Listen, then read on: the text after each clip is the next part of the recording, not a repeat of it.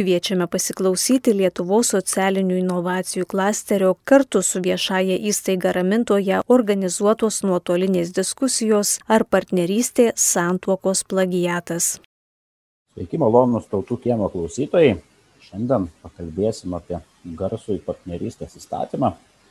Šarplys e, politologas, sociologas, taip pat vadovų dėstytojas ir Paulius Šerka, VDU docentas, advokatas. Labą vakarą. Tai pirmą gal duosim turbūt jums prisistatyti, kodėl esat čia, gal su kokiam mintim atėjot. Tai įvykti gal jūs pasakykite. Pirmas. Tai ačiū e, už galimybę dalyvauti šiame pokalbėje. Iš tikrųjų svarbus klausimas ir šiuo metu turbūt na, ne vienas formatas vyksta uh, panašus, kuriame šie klausimai aptarinėjami, yra santokos, partnerystės santykis, apskritai tos pačios lyties asmenų porų teisinis reguliavimas. Tai be abejonės yra vienas iš klausimų, kuris šiuo metu yra aktualus politinėje erdvėje.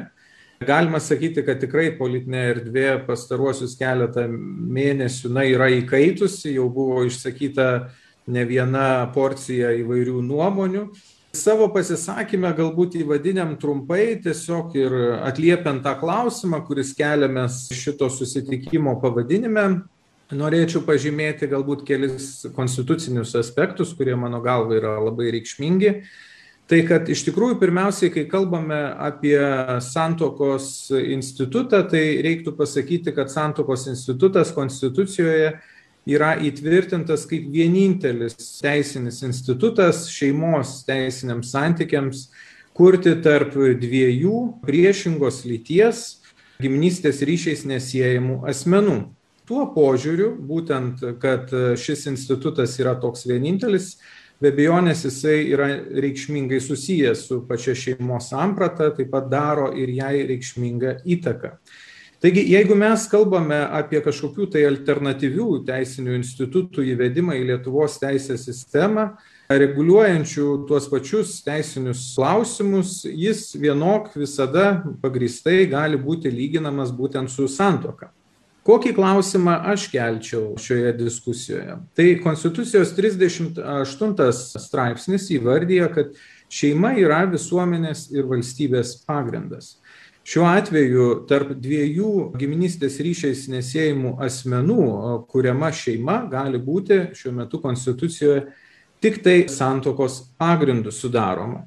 Jeigu mes įvedam į civilinį kodeksą ar bet kokį kitą įstatymą, na, papildomą, analogišką ar kažkokį tai kitokių pavadinimų institutą, be bejonės kyla klausimas, ar nesiformuoja valstybėje tam tikrą prasme antrarūšės šeimos. Ir Konstitucinis teismas jau ne vienam iš savo nutarimų na, yra pažymėjęs, kad šeimų negalima diskriminuoti jokiais pagrindais. Tai šiuo atveju be bejonės tai, kad tam tikrų šeimų teisinė apsauga būtų siauresnė negu Konstitucijoje numatytos būtent santokinės šeimos teisinė apsauga, aš sakyčiau, nebejotinai yra na, tam tikra konstitucinė problema ir netgi galbūt kelčiau būtent partnerystės viso instituto konstitucingumo klausimą. Galima pažiūrėti į patį klausimą ir kitų aspektų. Na, jeigu jau visgi mes manome, kad reikia kažkokio tai alternatyvaus santokai instituto kūrimo, tai iš kur mes paimame būtent būtinuosius požymius, kuriuos turi atitikti asmenys norintys sudaryti būtent šeimą tokio instituto pagrindu.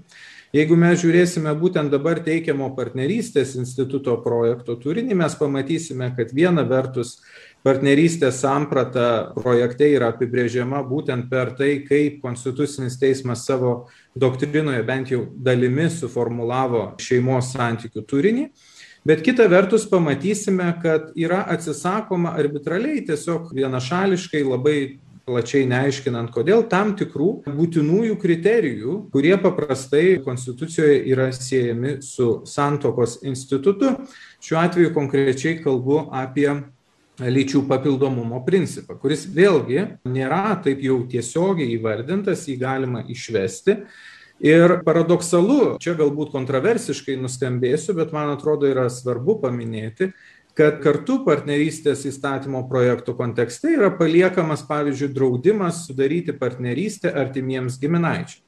kas irgi, na, jeigu mes kalbėsim apie santoką, apie šeimos santykius, tos tradiciškai suvokiamus yra visiškai normalus draudimas, jisai galioja santokai. Tačiau, jeigu mes kalbėsim apie tos pačios lyties porų bendrą gyvenimą, tada jis neturi visiškai prasmės, ta prasme, kad toks draudimas istoriškai jisai atsiranda būtent dėl to, kad būtų, na, sumažinta arba panaikinta būtent išsigimimų rizika tarp artimų giminaičių susilaukus vaikų. Grinai medicininės priežastys, evoliucinės priežastys paskatino žmonijos istorijoje būtent įvesti tokį draudimą. Nors mes galėtume sakyti ir būna istorijų, kad meilės na, nuoširdus tarp asmeniniai ryšiai susiklosto ir tarp artimų giminaičių, kuriems šiaip jau įstatymas numato draudimą tuoktis. Tai šiuo atveju toks draudimas numatomas ir partnerystės kontekste, Tačiau, kaip ir minėjau, dabar teikiamas projektas netliepia visų kriterijų. Ir tuomet natūraliai kyla klausimas, na jeigu jau mes šiuo atveju ne po įstatyminiu aktu, bet būtent įstatymų, kitų žemesnės galios įstatymų numatome kitokius kriterijus tiem patiem šeimos santykiam kurti, tai ar tai nėra bandymas apeiti konstitucijoje dabar įtvirtinto to vienintelio pagrindo šeimos teisiniam santykiam kurti, tai yra santokos Ir aš jau iš savo pusės sakyčiau, kad turbūt tai yra toks bandymas ir greičiausiai reikėtų neslėpti to. Tai netgi nėra slepiama, kad tai yra na, tarpinė stotelė siekiant būtent tos visiškos lygybės ir tada galbūt jeigu mes jau, na, sakykime, kalbame atvirai visiškai ir keliame tą klausimą visų rimtumu, mes jau šiandien turėtume kalbėti ne apie partnerystės instituto į Lietuvos teisinę sistemą įvedimą, bet būtent apie šeimos sampratos keitimą ir būtent leidimą tuoktis taip pat ir tos pačios lyties asmenim. Tai toks galbūt būtų trumpas mano pasisakymas. Ačiū. Dėkui, Vyti, paklausim turbūt tada Paulius gal irgi su kokia intencija sėti ir kaip jam atrodo pats įstatymas ir pati situacija ir galbūt visos aistros einančios aplinkybės įsukančios. Ši tema mane domina turbūt gal daugiau kaip mokslininką, kadangi tenka dažnai vadovauti magistro darbams ir turiu pasakyti, studentų tarpe gan populiari tema yra šeimos, santokos, panašus teisiniai klausimai, partnerystės, vienos lyties sąjungos ir panašiai. Ir todėl tenka įsigilinti šitą klausimą kažkiek. Ir suprantama, aš dalyvauju ne kaip politikas, o kaip teisininkas, todėl na, dalis klausimų, jie, sakykime, teisininkai, jie visada moka kvalifikuoti klausimą, ar tai yra politinio ar teisinio pobūdžio klausimas, tai be abejonės šie klausimai turi ir tokį, ir tokį aspektą.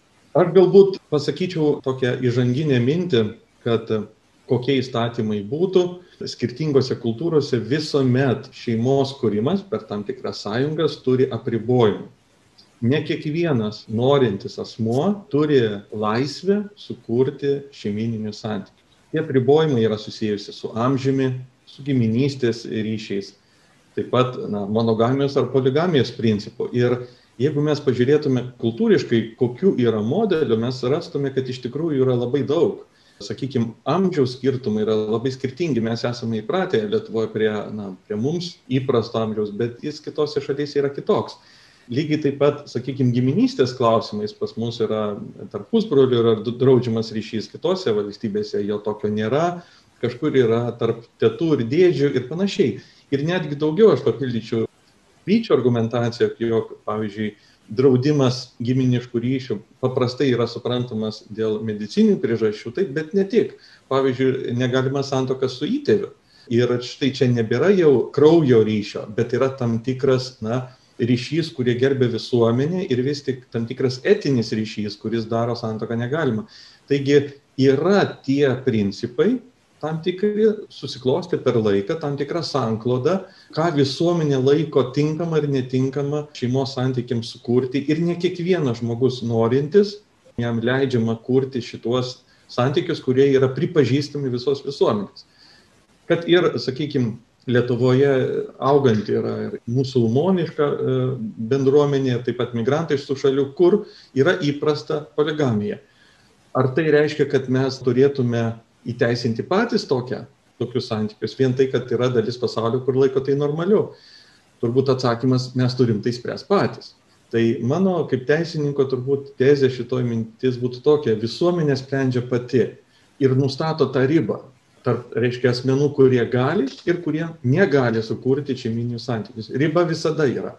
Nėra visuomenių, kurios neturėtų ribų, riba visada bus, tačiau visuomenė yra laisva tą ribą sudėlioti. Tiek būtų. Dėkui, Andriu. Sakykit, Andriu, kaip jums vat, iš politologinio taško, iš politologo varpinės žiūrint į šitą situaciją, kodėl yra tokios aistros kyla, kodėl, kodėl čia taip svarbu, atrodo toksai, na, kaip sakyt, esminis dalykas, dėl ko čia tiek iečių laužoma. Ko siekiama? Atsiprašysiu, mikrofoną įsijunkit, Andriu, negirdim jūsų. Prašau, dar negūdėte techniškai. Tai vad būtent todėl, kad tiek daug iečių yra laužoma, taip verda viešoje erdvėje ir aš manau, pagrindai visą tai vyksta, bet tai rodo, kad tai nėra tik tai techninis dalykas. Vat paimkim, įteisinkim, paimkim, neįteisinkim arba išspręskim biurokratinėmis, procedūrinėmis kažkokiamis tai... Va taip neišeis. Šita tema yra ne tai, kad politinė, ne tai, kad vien tik tai teisinė, ne tai, kad vien tik tai visuomenės kažkoks tai klausimas. Šita tema yra matyt ir aš taip manau, kad jinai yra liečianti labai gilius klodus. Ir tie klodai aiškiai yra susiję tiek su religija, tiek su bendra kultūra, su moralinėmis tradicijomis. Galiausiai dviejų arba, taip sakant, tos pačios lyties šeima, partnerystė, santoka.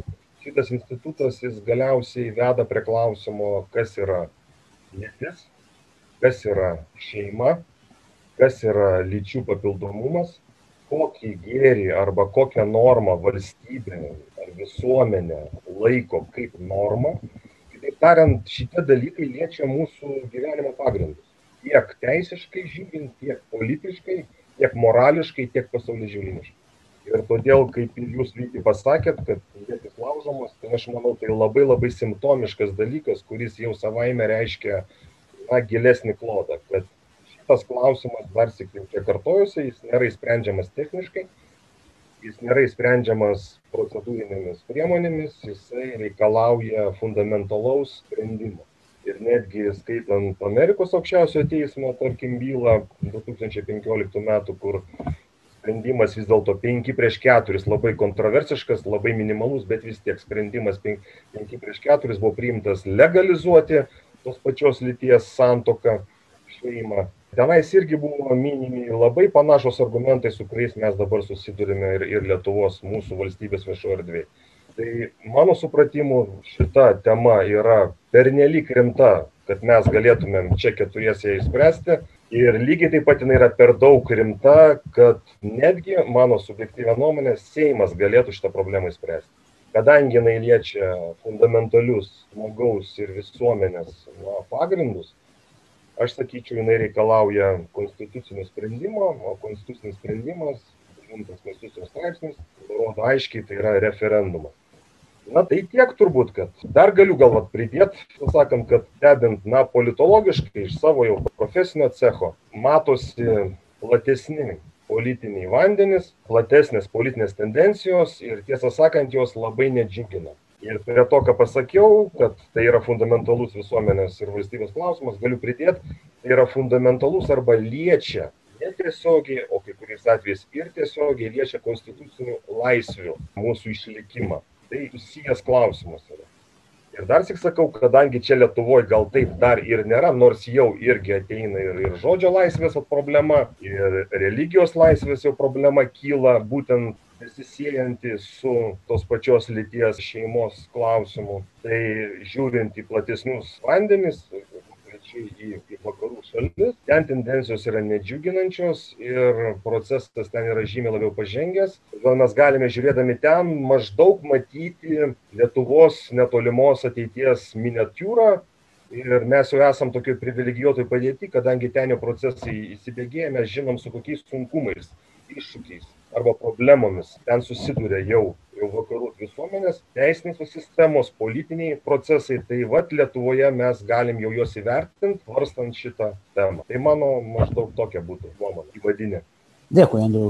Iš tiesų girdžiu iš, iš mūsų oponentų, iš, iš draugų įvairių ir šiaip prašant, iš tikrųjų, nu, kaip pasakyti, ar nėra čia tos baimės tokios kažkokios dėl šito atveju, dėl partnerystės ir toliau, nu, kažkokia tokia, nežinau, nu, paranoja, net žodis įvardomas toksai stiprokas. Man atrodo, tos vakarų šalis, daug kas žiūrėkit, pačios geriausias, aukščiausi BVP, geriausi ekonominiai rodikliai, kur, kur yra netgi santokos, o nekalba apie partnerystės, Na ir paprastai oponentai patikinu, pažiūrėkit, kur nėra, kur va šito nėra. Na nu, ir aišku, kažkaip tai taip jis žvilgsnis krypsta į Rusiją, į kažkokias tokias nelaisvas valstybės. Tai turbūt klausimas būtų toksai, jeigu šitas įstatymas būtų buvęs priimtas, nes iš tikrųjų, kaip suprantu, dabar statusas yra atidėtas, bet netgi jos varstimas, bet kas būtų pasikeitę iš esmės, nu, nežinau, ilgalaikį perspektyvai, nu, dešimt metų, kaip jūs modeliuotumėt situaciją tokiu atveju, nes jisai gali būti priimtas rūdienį lygiai taip pat Čia dviejų balsų persvara, tai turbūt nėra trapesnio dalyko. Tai kuris norėtumėt atsakyti, gal, gal kažką tai užkabino, norėtumėt pasidalinti mintimis. Kaip atrodytų viskas? Kas pasikeistų iš esmės, nes, nu, kaip sakė ponas Vytautas Raskevičius, nu, niekas nepasikeistų, tik nu, dalis žmonių lengviau atsidūstų, tai kad jie čia kažkaip yra gerbiami, turi daugiau galimybių. Tai gal aš tada trumpai vis tiek, aišku, tai, tai nėra teisinis klausimas taip iki, iki galo, jeigu žiūrėsim tikrai. Mes kalbam ne vien tik tai apie teisę, bet tam tikrus socialinius pokyčius ir ilgalaikiai perspektyvoje. Ir labai dažnai tas klausimas užduodamas jis yra pagrystas, jis yra labai geras. Mano galva, kad pirmiausiai tai aš sakyčiau griežtąją prasme būtų iškreipta dabar konstitucinė šeimos samprata. Nepaisant to, kad labai dažnai yra argumentuojama, kad Konstitucinis teismas ar tai 11 metų nutarime, ar tai 19 metų nutarime na, pasakė kažką tokio, kas sudarytų prielaidas manyti, kad du tos pačios lyties asmenys gyvenantis kartu gali būti laikomi šeima, tai iš tikrųjų aš taip nemanau, kad taip pasakė Konstitucinis teismas ir, ir turiu tam pagristų argumentų na, interpretuoti kitaip. Ir mano galva, kad tokia laisva interpretacija, kaip dažnai jinai pateikiama, ginant ar bandant pagrysti partnerystę, jinai yra na, labai labai laisva ir toks wishful thinking, jeigu atleisit man tokį anglizmą. Nes ir, ir tam galima rasti daug argumentų, bet aš tiesiog trumpai pasakysiu, kad, kad tą parodo vien 2019 metų Konstitucinio teismo nutarimas ir jame esantis vienas labai reikšmingas sakinys, tai yra, kur Konstitucinis teismas pateikia mums iš principo visos tarptautinės teisės sintezę viename sakinyje. Ir jis pasako, kad iš Europos žmogaus teisų konvencijos nekyla valstybei pareiga nei įtvirtinti tos pačios lyties asmenų e, santokas, nei partnerystę. Tai man atrodo, kad tas sakinys labai retai pasirodo viešoje erdvėje ar kažkokios tai apžvalgos ir panašiai, bet be bejonės konstitucinis teismas, na, taip vertindamas, būtent taip formuluodamas tą savo teiginį, jisai nenori pasakyti, kad mūsų dabartinė šeimos samprata yra kažkokia tai diskriminacinė. Ne, konstitucinis teismas aiškina mūsų konstituciją taip, kaip jinai yra parašyta ir ten be abejonės jis neižvelgia nei partnerystės privalomybės, nei santokos tos pačios lyties asmenų porom.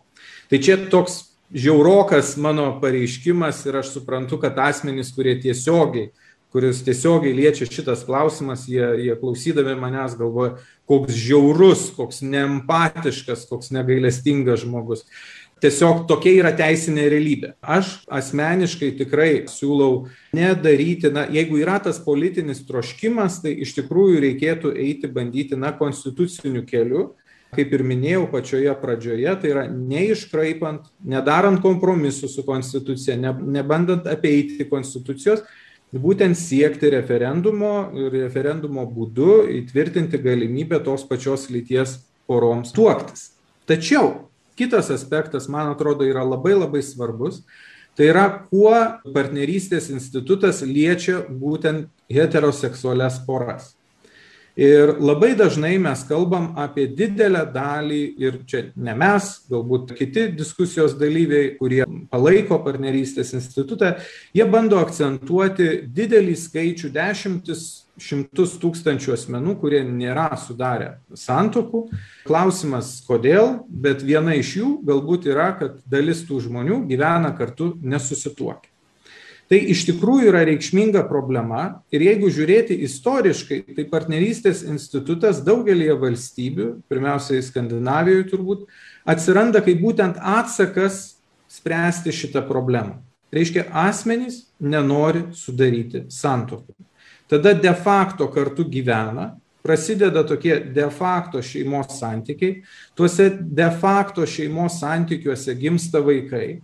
Kadangi šeimos nariai tarpusavy prisimdami skirtingas pareigas vienas iš jų pavyzdžiui globoja vaikus ilgesnį laiko tarpą mažiau prisideda finansiškai tiesiogiai prie kažkokių tai gėrybių pirkimo atsiranda automobiliai namai ir taip toliau tie asmenys be abejonės jeigu atsiranda toks tragiškas įvykis kad šeima išyra tokia de faktinė tai tie žmonės lieka be nieko ir labai dažnai su vaikais. Ir ir ir na nueinant nuo politkorektiškumo dažniausiai tai yra moterys reiškia dešim dvidešimt metų pragyvenus kartu galiausiai tu lieki su vaikais ir su nedidele pašalpa vaiko išlaikymo ir panašiai tai be abejonės valstybių lyderiai politikai atsakingi žiūrėdami į tą situaciją na jie sako reikia kažkaip tai spręst. Ir tada atsirado tokia idėja kad mes galbūt galime daryti tokį partnerystės institutą ir paskelbti asmenis bent jau partneriais praėjus tam tikram laikui kad bent kažkaip sureguliuoti tuos tą asmenų bendrą gyvenimą tai ilgainiui tas partnerystės institutas patapo vakaruose kaip šeimos teisinius santykius reguliuojantis institutas toksai iš bėdos bet jisai galim ir matyti ir dabar neatnešė jokios naudos kitose valstybėse ta prasme kad kaip asmenys didžiąja dalim nesudarinėdavo santuokų taip dabar jie didžiąja dalim nesudarinėja partnerysčių. Ir ta pati socialinė problema ir liko. Ir dėl to aš sakau kad teisinėmis priemonėmis mes praktiškai negalime spręsti rimtų moralinių dorovinių problemų. Į tai reikėtų reaguoti labai rimtai nes tas na kultūrinis toksai sakykim klimatas kuriame asmenys bijo prisiimti įsipareigojimus arba vengia na būtent santuokos jis jis nėra geras jis nėra geras mūsų vaikam.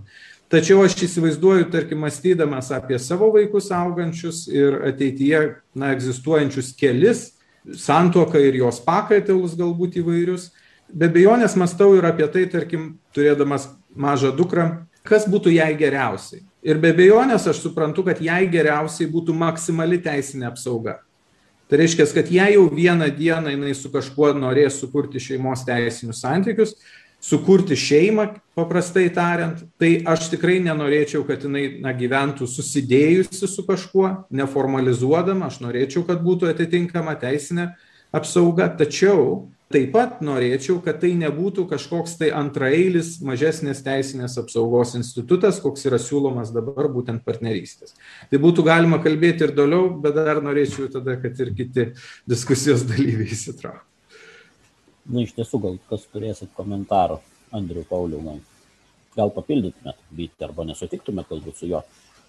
Aš turbūt papildyčiau siūlomas partnerystės įstatymas taip pat kalbėjo apie tai, ką ir Vytis nurodė apie faktinę partnerystę, kuomet e, būtų galimybė teisminė tvarka konstatuoti partneriškus santykius. Viena vertus taip, tai spręstų sugyventinių problemą, ypač kuomet įvyksta de facto skirybos ir mes kaip visuomenė jaučiam, kad turėtų būti tam tikros teisės ir tam tikra teisų apsauga abiem, aišku, tiem faktiniam sugyventiniam bet labai sunku pasakyt kokia ji turėtų būt. Kita vertus kuomet atsiranda įstatyme tas faktinės partnerystės įteisinimas anksčiau vakarų kultūrose kai kuriose valstybėse ir labai nedaugelyje yra toks common law marriage iš esmės tokia bendrosios teisės šalyse susiformavusi faktinė santuoka ji atsirado tada kuomet na padėti žmonėms kurie dėl tam tikrų priežasčių gyveno ir neturėjo galimybės susituokti tačiau jeigu mes galim konstatuot situaciją kai žmonės turi galimybę įforminti savo santykius tai yra akivaizdu kad na nei karas nei kažkokios tai kitos aplinkybės nekliudo jiems tai padaryti ir jie to nedaro ar tai galima būtų kitaip paaiškinti negu jų sąmoningu sprendimu neforminti savo santykių. Tai yra šiai dienai egzistuoja taip pat visuomenėje tas sugyvenimas sąmoningai ne neforminant partnerystės ir jos nesiekiant šeimos sukūrimui na, reikalingas tas valinis elementas. Negali kažkas kitas, žiūrėdamas į porą, konstatuoti, kad jie yra šeima, jei pati pora mano, kad galbūt ar vienas iš jų nemano, kad jie sukūrė tokius santykius. Ir tai irgi yra tada problema. Viena vertus yra problema ir taip, ir taip tai pasakyčiau taip kad dalis valstybių atsisako tokios opcijos kaip faktinės partnerystės arba faktinės santuokos vien tam kad skatinti vienaip ar kitaip įforminti savo santykius. Ar per partnerystę ar per santuoką bet įforminti juos o ne sudaryti galimybę ir toliau jų neforminti. Neforminimas na nėra geras reiškinys žiūrint iš visuomenės interesų. Tai vienas iš tokių aspektų šio įstatymo yra implementavimas šitos faktinės partnerystės O dėl klausimo, kuo tai įtakos, įtakos tuo, kad tai šeima nėra vien tik asmeninis reikalas. Tai nėra vien tik privatus reikalas. Tai yra privatus, bet neišimtinai privatus, nes mūsų konstitucija sako, kad visuomenės pamatas yra šeima. Jeigu mes keičiame sampratą, kas yra šeima, kaip ji susikūriama, kokia sąjunga, kokiu veiksmu jinai yra sukūriama, automatiškai, jeigu kinta pamatas, kinta statinys. Mūsų visuomenė kis gal tai nebus žymus ir staigus pokytis bet pakeitus pamatus natūralu tikėtis kad keičiasi ir ir ant jo esantis statinys. Šeimos santykiai jie kuriami yra sąjungos principu vienaip ar kitaip nebūtinai per santuoką bet tai negali būt suvedama tik į susitarimą. Ne tai yra daugiau negu susitarimas tai yra tam tikras statusas. Tu tampi šeima tu esi šeima tu esi šeimos narys. Tu ne tik susitari bet tu ir tampi tai. Tai dėl to tai yra labai fundamentalus dalykas, liečiantis asmens statusą, o ne tik jo susitarimu, na, tarytum, komercinė sutartimi ar vartotojiška ar kita sutartimi įgytas teisės ir pareigas. Reiškia, keisdami pamatą, mes neišvengiamai keisime ir visą statinį, kas yra mūsų visuomenė.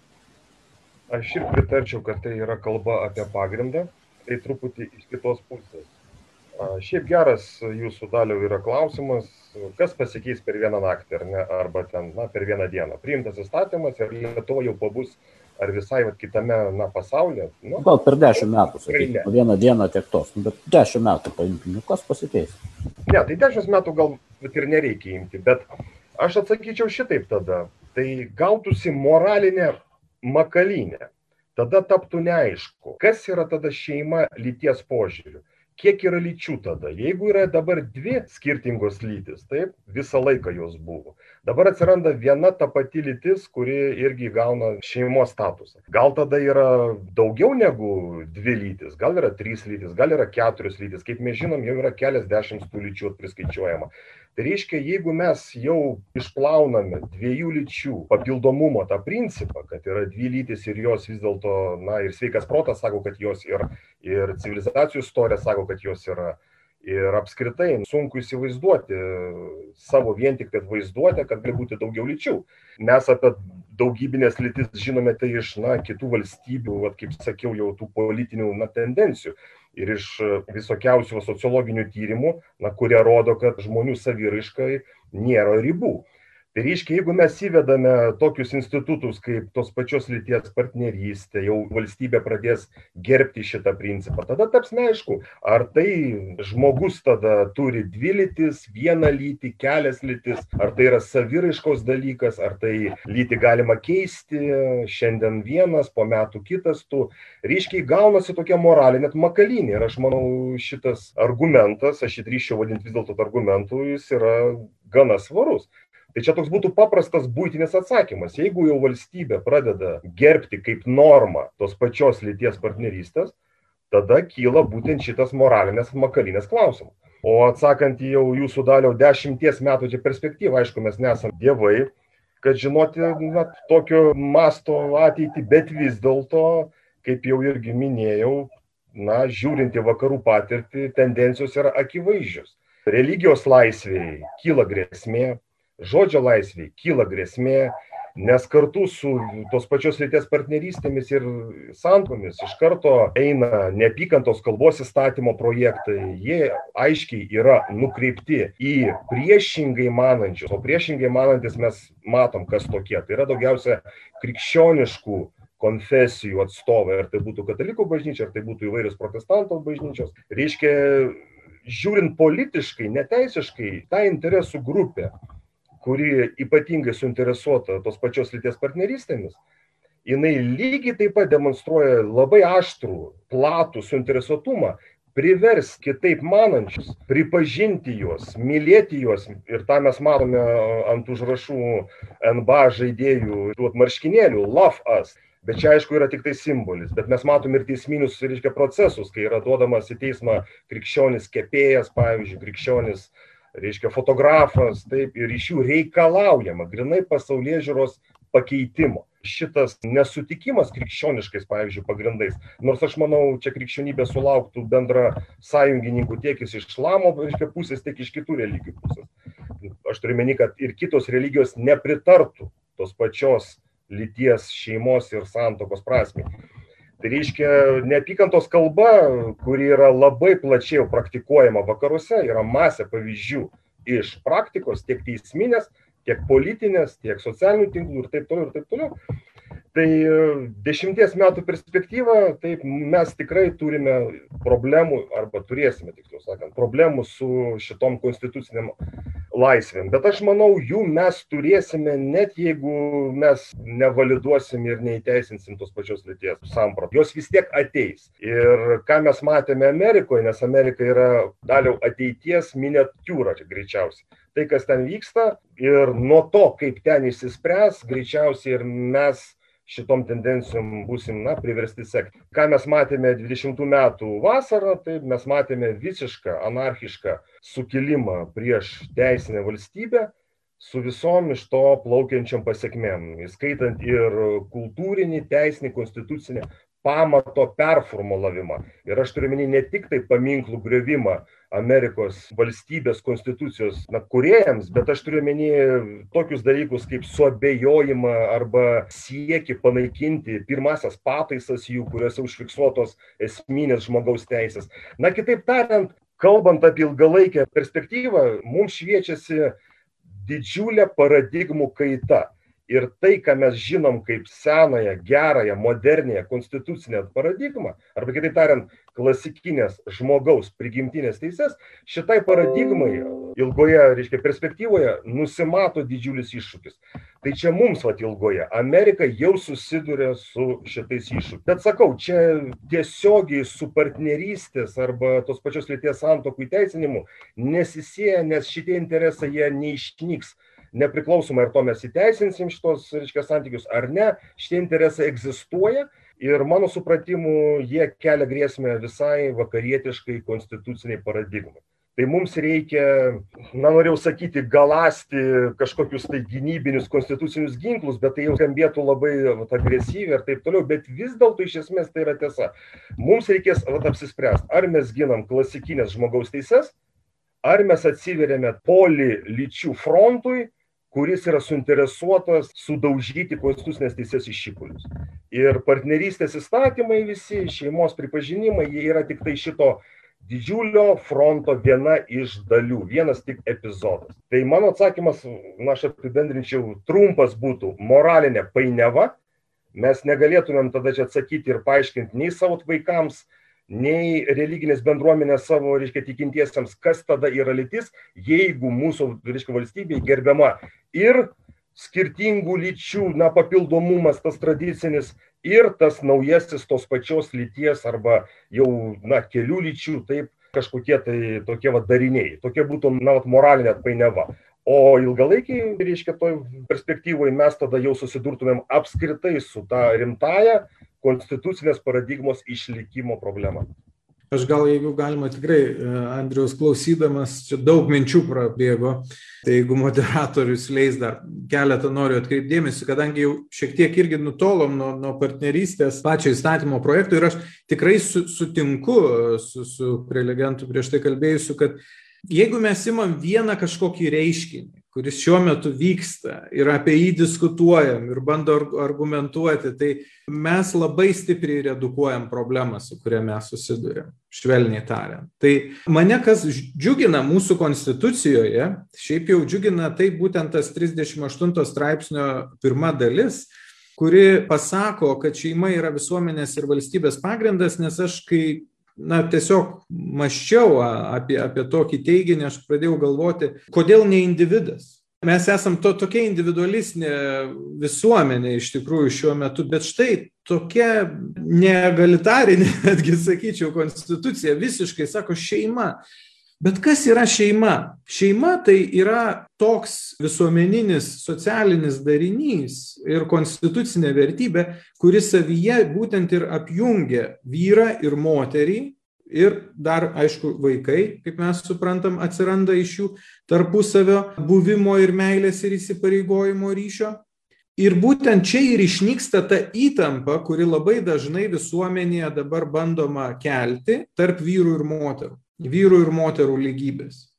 Ir nepaisant to, kad šiuo metu mūsų konstitucija įtvirtina tokią na, tikrai nuostabią nuostatą, sakyčiau, Tačiau net ir šeimos politikos kontekste labai dažnai šiandien, jau šiandien, be jokių ten pakeitimų konstitucijos partnerysčių ar Stambulo konvencijų ar dar kažko tai, jau šiandien vis tiek yra bandoma dalinti šeimą į dalis, priešinti su tuoktinius tarpusavyje, priešinti vaikus su tėvais, kalbėti apie atskiras jų teisės ir valstybės politiką orientuoti ne į šeimą kaip į visumą, neskaidoma, bet, na, kažkaip tai vat, prie kiekvieno atskirai iš tų šeimos narių prieiti ir pakuždėti jam jausi, pasakyti, vat, mes tave ginam, mes tave ginam.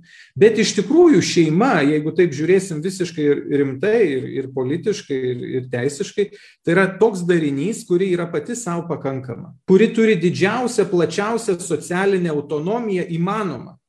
Būtent šeimai, tėvam konkrečiai, šeimoje yra patikėta dorovinis ir religinis auklėjimas pagal savo įsitikinimus. Tai įsivaizduokit, ką reiškia toks įpareigojimas. Reiškia, niekam konstitucija nenumato tokio įpareigojimo ir tokios laisvės. Ne šiaip savo kažkokia deleguota laisvė ir konstitucija sako, na, turi auginti tėvai ištikimais piliečiais ir dorai žmonėmis, bet ką sako po to? Pagal savo įsitikinimus. Tai yra didžiausia maksimali įmanoma laisvė. Ir dabar be bejonės, jeigu mes pradedame keisti ir šiuo atveju ir konstitucinę šeimos sampratą, dalies tėvų įsitikinimai, kad šiuo atveju, pavyzdžiui, šeima yra tarp vyro ir moters sukūriama tik tai santokos pagrindu, arba tik tai tada, kai susilauki vaikų, reiškia, atsiranda šeima arba kitos vertybės, kurios, reiškia, yra perduodamos šiuo atveju, kalbant apie tas šeimos vertybės, jos rizikuoja šiandien šitam visam politiniam diskursai ir teisiniam kai kada likti užrybyje. Ir jeigu mes kalbam būtent apie labai konkrečius teisinius dalykus, tai aš galbūt norėčiau kalbėti ne tiek apie partnerystės prieimimo pasiekmes, bet apie tai, ką aš pats siūlau, apie konstitucijos keitimo pasiekmes ir tada bandyti mąstyti, o kas gali mūsų laukti. Nes tikrai ne vienoje valstybėje konstitucija jau buvo pakeista ir yra taip pat ir vienolytės santokos įtvirtintos, tačiau skiriasi būdai. Kai kuriuose valstybėse vyko referendumai, prieš tai be bejonės tvirtinant ir kažkokius partnerystės institutus, kitose valstybėse teisminė tvarka, reiškia, įvyksta tas pokytis. Tai net jeigu Lietuvoje neįvyktų referendumas, galbūt vieną dieną Konstitucinis teismas visgi ryštusi atrasti tokią teisę, galbūt į santoką ne, bet į kažkokį alternatyvų institutą ir tos pačios lyties asmenų prilyginimą vyro ir moters šeimai. Tačiau jeigu žiūrėsim dabar, pavyzdžiui, galiojančius teisės aktus, tai nepilnamečio apsaugos nuo neigiamo viešosios informacijos poveikio, ketvirtas straipsnis numato, kad taip pat nepilnamečiai turėtų būti saugomi nuo tokios kitokios nei Konstitucijoje ir civilinėme kodekse įtvirtintos šeimos sampratos ar santokos propagavimo, kitokių šeimos vertybių. Tai be bejonės galim suprasti, kad vos nuo to pasikeitimo momento, reiškia, ar tai konstitucinis teismas savo doktriną kažkaip tai papildytų kūrybiškai, ar tai būtų pačios konstitucijos pakeitimas dabar, tos didelės dalies žmonių, kurie šiandien mano, kad na, šeima turi ryšį neatsiejama nuo lyčių papildomumo principo ir tikrai santoka yra grindžiama vyro ir moters būtent sąjunga, ir taip pat tam tikrais įsipareigojimais prisiimti teises ir pareigas kylančias iš tėvystės motinystės ir vaikystės institutų konstitucinių tai šita visuomenės dalis jinai liktų užribyje nuo diskusijų apie tai kad galbūt visgi šita tradiciškai suprantama ir labai reikšminga, kaip pats konstitucinis sako, teismas savo nutarimuose, reiškia, visuomeniai didelę gerą įtaką ilgus amžius dariusi vat, tokia šeima. Tie žmonės, kurie propaguoja šią šeimą, liktų užrybyje. Kodėl? Dėl to, kad savo pačiais teiginiais tokiais, kad vat, šita šeima yra galbūt na, geresnė visuomeniai, naudingesnė ir svarbesnė ir taip toliau, jie liktų užrybėje. Ir tas jau dabar bandoma daryti, bandoma gėdinti įvairiai žmonės, kurie sako, kad, na, visgi santoka reikia rinkti santoką. Yra gerai rinkti santoką. Žmonėms, kurie renkasi santoką, yra gerai, visuomenė yra gerai rinkti santoką. Ir šiandien jau iš tikrųjų mes nuėjom į labai tokį kitokį diskursą, vietoj to, kad mes kalbėtume iš tikrųjų apie tas rimtas problemas. Tai visgi kas nutinka su žmogumi, kad jis gyvena kartu su kitu, bet nesiryšta prisimti įsipareigojimų. Mes nekalbam apie vakarų civilizacijos vertybių perdavimą savo vaikams. Mes lyg viską suredukuojam, kad visko turi švietimo sistema išmokyti, bet tėvams neauginamas ir mes patys kultūriškai visuomeniai nekalbam apie tai, kad na šeimoje visgi tos vertybės turi būti perduodamos. Aš netgi radikaliai pasakyčiau, ta prasme, jeigu šeimoje mūsų tėvai nesupranta konstitucijos, tai mes neturėsim veikiančios konstitucijos. Reiškia, iš tikrųjų konstitucijos turinys turėtų būti su motinos pienu perduodamas vaikams, bet, bet jeigu mama nėra skaičiusi tos konstitucijos, nežino, kodėl būtent taip yra aprašyta, kodėl šeima yra visuomenės ir valstybės pagrindas, mes turim didelį skepticizmą visuomeniai, kuris iššaukia krūvą, krūvą, krūvą problemų. Ir aš tada grįždamas į patį patį pirmą dalį tavo klausimą, kas pasikeis, aš sakyčiau, reikia žiūrėti ne į tai, kas pasikeis, bet į tai, kas atvedė mus į šią dieną, kai mes netgi rimtai svarstom apie tokį partnerystės įstatymo projektą. Nes normalioj visuomeniai mes net rimtai nesvarstytume šito projekto apskritai. Tai vad kokios yra tos priežastys, kurios mus privedė iki šitos situacijos. Vat tai mane domina labiausiai. Dėkui labai, tautų kiena šiandien kalbėjo Paulius Šerka, vadų docentas, advokatas, Vytis Turonis, teisininkas, ateitininkų federacijos prezidentas ir Andrius Švarplys, politologas, vadovų taip pat. Ačiū Jums labai, iki kito susitikimo. Girdėjome Lietuvos socialinių inovacijų klasterio kartu su viešaja įstaiga ramintoje organizuotą nuotolinę diskusiją ar partnerystė santuokos plagiatas.